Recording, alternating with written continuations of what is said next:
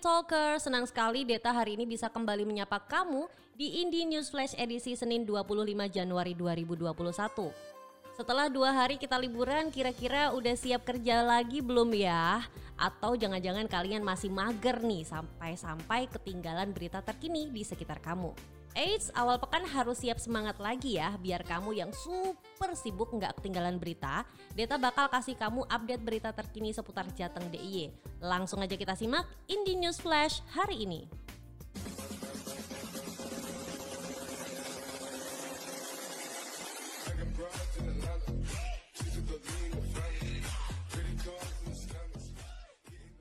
Berita pertama datang dari kota Semarang. GP Jateng minta pemerintah daerah beri stimulus bagi industri pariwisata. Seperti dikutip dari tribunjateng.com, Gabungan Industri Pariwisata Indonesia atau GP Jateng meminta pemerintah daerah memberikan stimulus bagi usaha yang bergerak di bidang pariwisata. Hal ini menyusul rencana perpanjangan pemberlakuan pembatasan kegiatan masyarakat atau PPKM. PPKM yang seharusnya berakhir Senin 25 Januari 2021 akan diperpanjang hingga 8 Februari mendatang.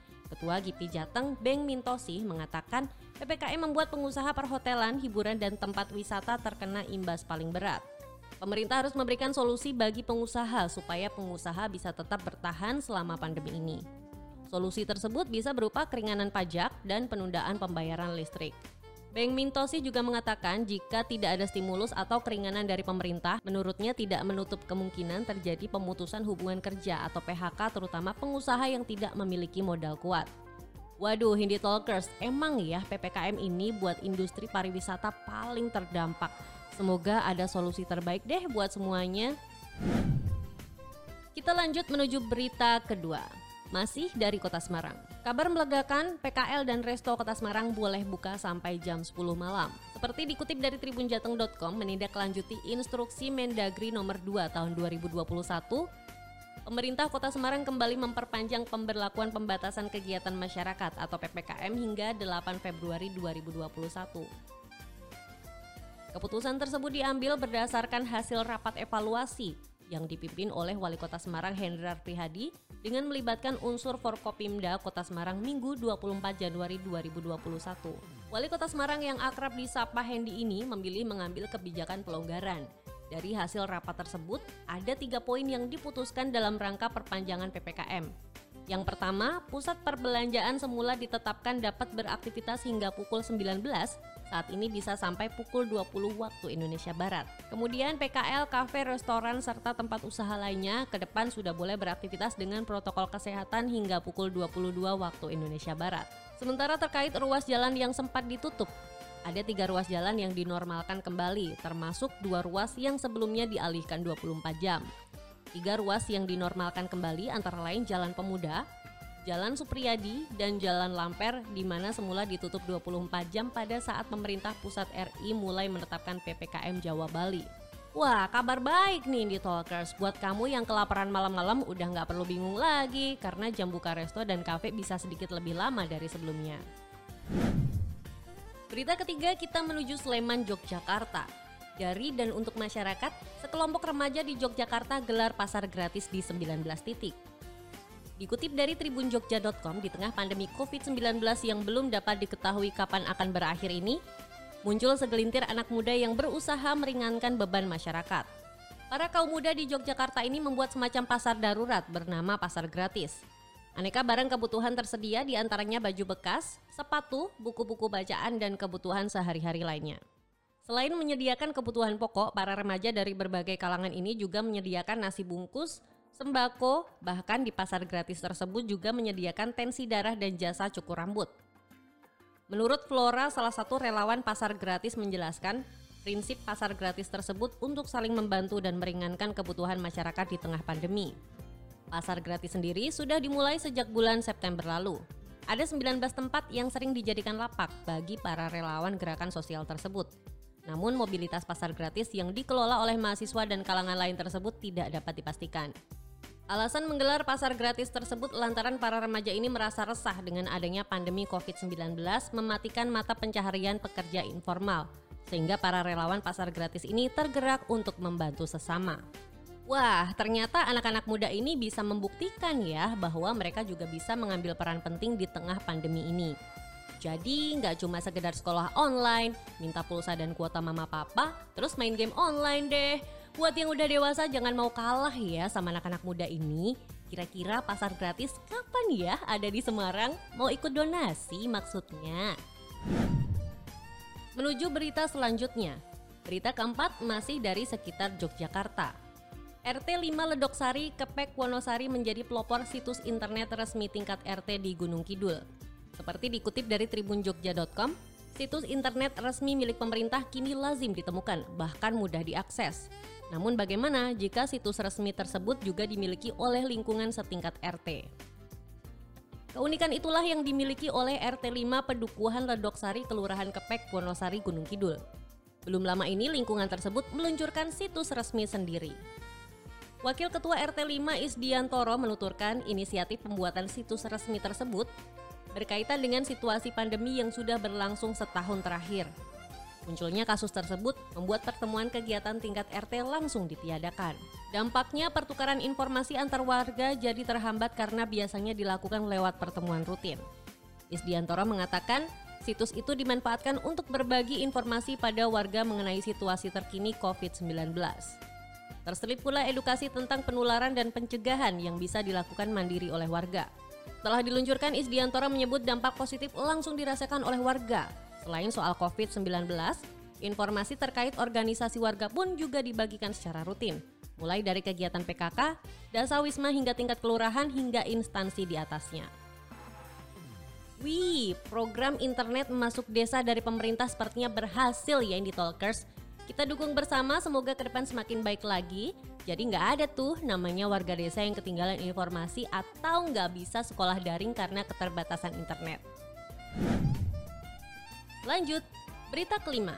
Transfer BBM ilegal di Laut Indonesia Bakamla tangkap dua kapal tanker asing.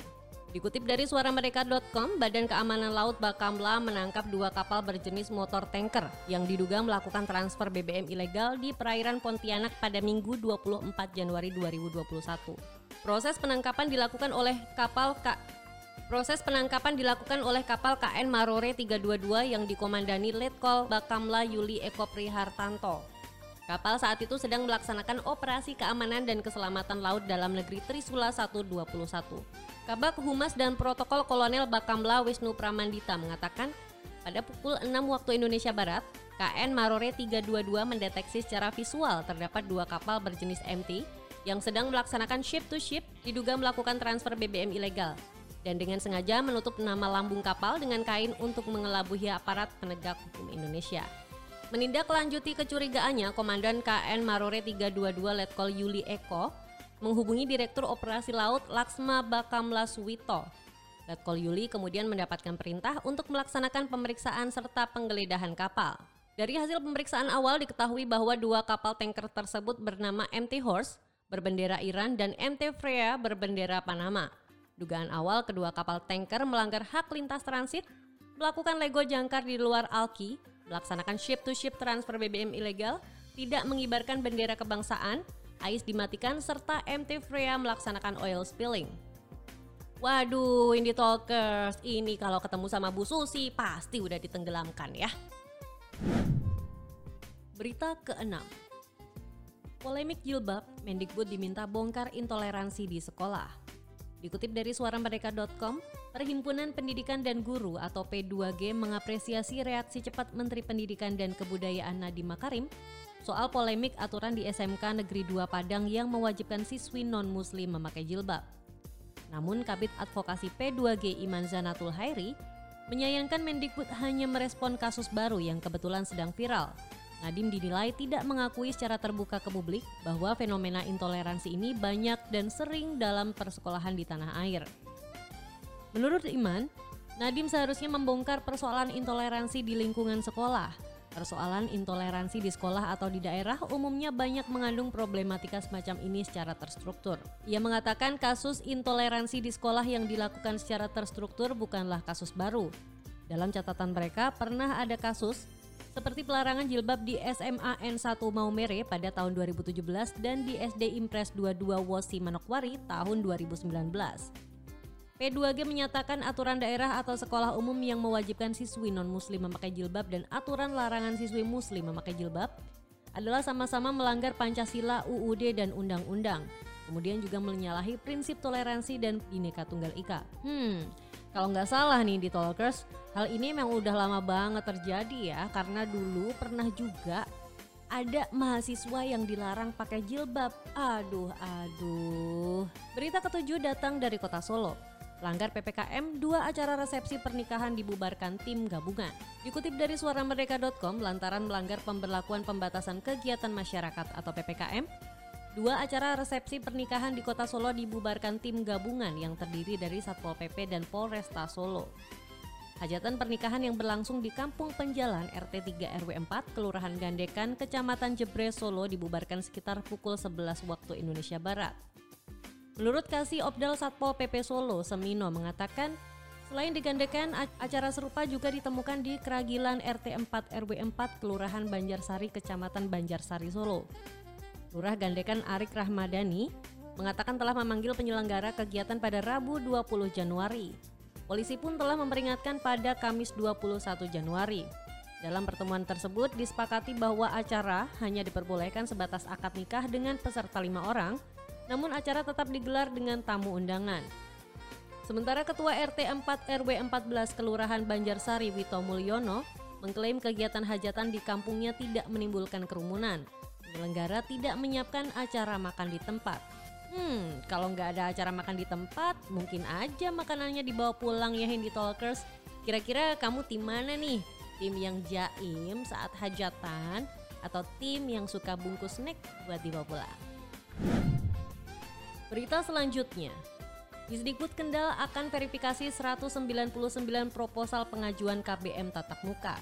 Seperti dikutip dari tribunjateng.com, Kabupaten Kendal telah menerima 199 proposal pengajuan kegiatan belajar mengajar tatap muka. Proposal tersebut berisi daftar periksa sekolah yang disusun guna memenuhi pembelajaran tatap muka di tengah pandemi COVID-19. Kepala Disdikbud Kendal Wahyu Yusuf Ahmadi mengatakan 199 proposal yang telah ia terima merupakan pengajuan dari tingkat PAUD hingga SMP sederajat. Pihaknya tidak membatasi jumlah proposal yang diajukan sekolah untuk mendukung rencana kegiatan belajar mengajar tatap muka dalam suasana pandemi COVID-19.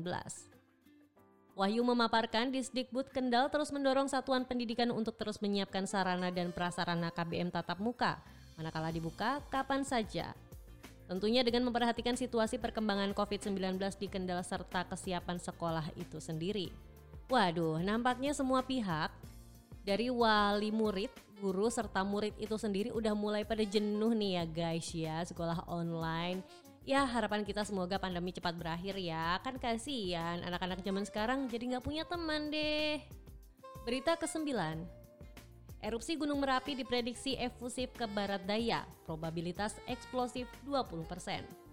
Dikutip dari tribunjogja.com, Balai Penyelidikan dan Pengembangan Teknologi Kebencanaan Geologi atau BPPTKG Yogyakarta memprediksi bahwa erupsi Merapi bakal bersifat efusif. Hal itu berdasarkan perhitungan asesmen atau penilaian bahaya selama sepekan terakhir. Letusan efusif cenderung lebih aman dibanding erupsi eksplosif, Kondisi Merapi saat ini juga dipengaruhi siklus erupsi di masa sebelumnya. Potensi bahaya erupsi Gunung Merapi yang bersifat efusif tersebut saat ini mengarah ke barat daya. Potensi bahaya berupa guguran lava dan awan panas pada sektor Sungai Kuning, Boyong, Bedok, Krasak, Bebeng, dan Putih sejauh maksimal 5 km dari puncak Gunung Merapi. Kendati demikian, walaupun kecenderungan letusan efusif semakin meningkat, erupsi eksplosif kemungkinan juga bisa terjadi namun probabilitasnya hanya sebesar 20%. BPPTKG mencatat peningkatan volume kubah lava Gunung Merapi sebesar 104.000 meter kubik per 21 Januari 2021 dengan laju pertumbuhan 19.000 meter kubik per hari. Hingga saat ini status Gunung Merapi yang ditetapkan adalah level 3 atau siaga. Pada level ini ancaman bahaya erupsi bisa meluas tapi tidak mengancam pemukiman. Nah ini buat indie talkers yang mungkin bermukim di sekitaran Gunung Merapi, meskipun saat ini status Gunung Merapi dalam level siaga tetap perlu meningkatkan kewaspadaan ya indie talkers. Berita ke-10 datang dari PT KAI. PT KAI tunggu regulasi pemerintah untuk penggunaan Genos C19 untuk transportasi. Seperti dikutip dari tribunjateng.com, PT Kereta Api Indonesia akan gunakan alat pendeteksi COVID-19 yakni Gajah Mada Electric Nose COVID-19 atau Genos C19. PT KAI menyambut baik alat screening yang dikembangkan dari peneliti Universitas Gajah Mada untuk transportasi kereta api. Bahkan Genos C19 tersebut telah diuji coba digunakan oleh karyawan PT KAI. Manajer Humas PT KAI Daop 4, Kris Biantoro mengatakan Genos C19 adalah alat pendeteksi virus corona yang dikembangkan para peneliti di Universitas Gajah Mada dan sudah mendapatkan izin edar dari Kementerian Kesehatan. Pengambilan sampel dari Genos C19 berupa hembusan nafas dan hasil tes dapat langsung diketahui hanya dalam waktu 3 menit. Tarifnya pun diperkirakan berkisar di Rp20.000 untuk satu kali tes, dengan akurasi di atas 90%. Menurutnya karena sangat efektif dan harga yang cukup terjangkau, PT KAI berencana akan membeli Genos C19 tersebut dan digunakan di setiap stasiun. Namun saat ini PT KAI masih menunggu regulasi lebih dari pemerintah terkait penggunaan Genos C19 pada moda transportasi umum. Wow, kabar baik lagi nih Indie Talkers. Semoga Genos C19 bisa diproduksi secara massal ya, supaya angka penyebaran COVID ini juga bisa semakin ditekan ke depannya. Nah, itulah tadi Indie Talkers 10 berita terkini seputar Jateng DIY yang berhasil Deta sampaikan hari ini. Sampai jumpa lagi di Indie News Flash edisi selanjutnya. Keep connecting, keep inspiring.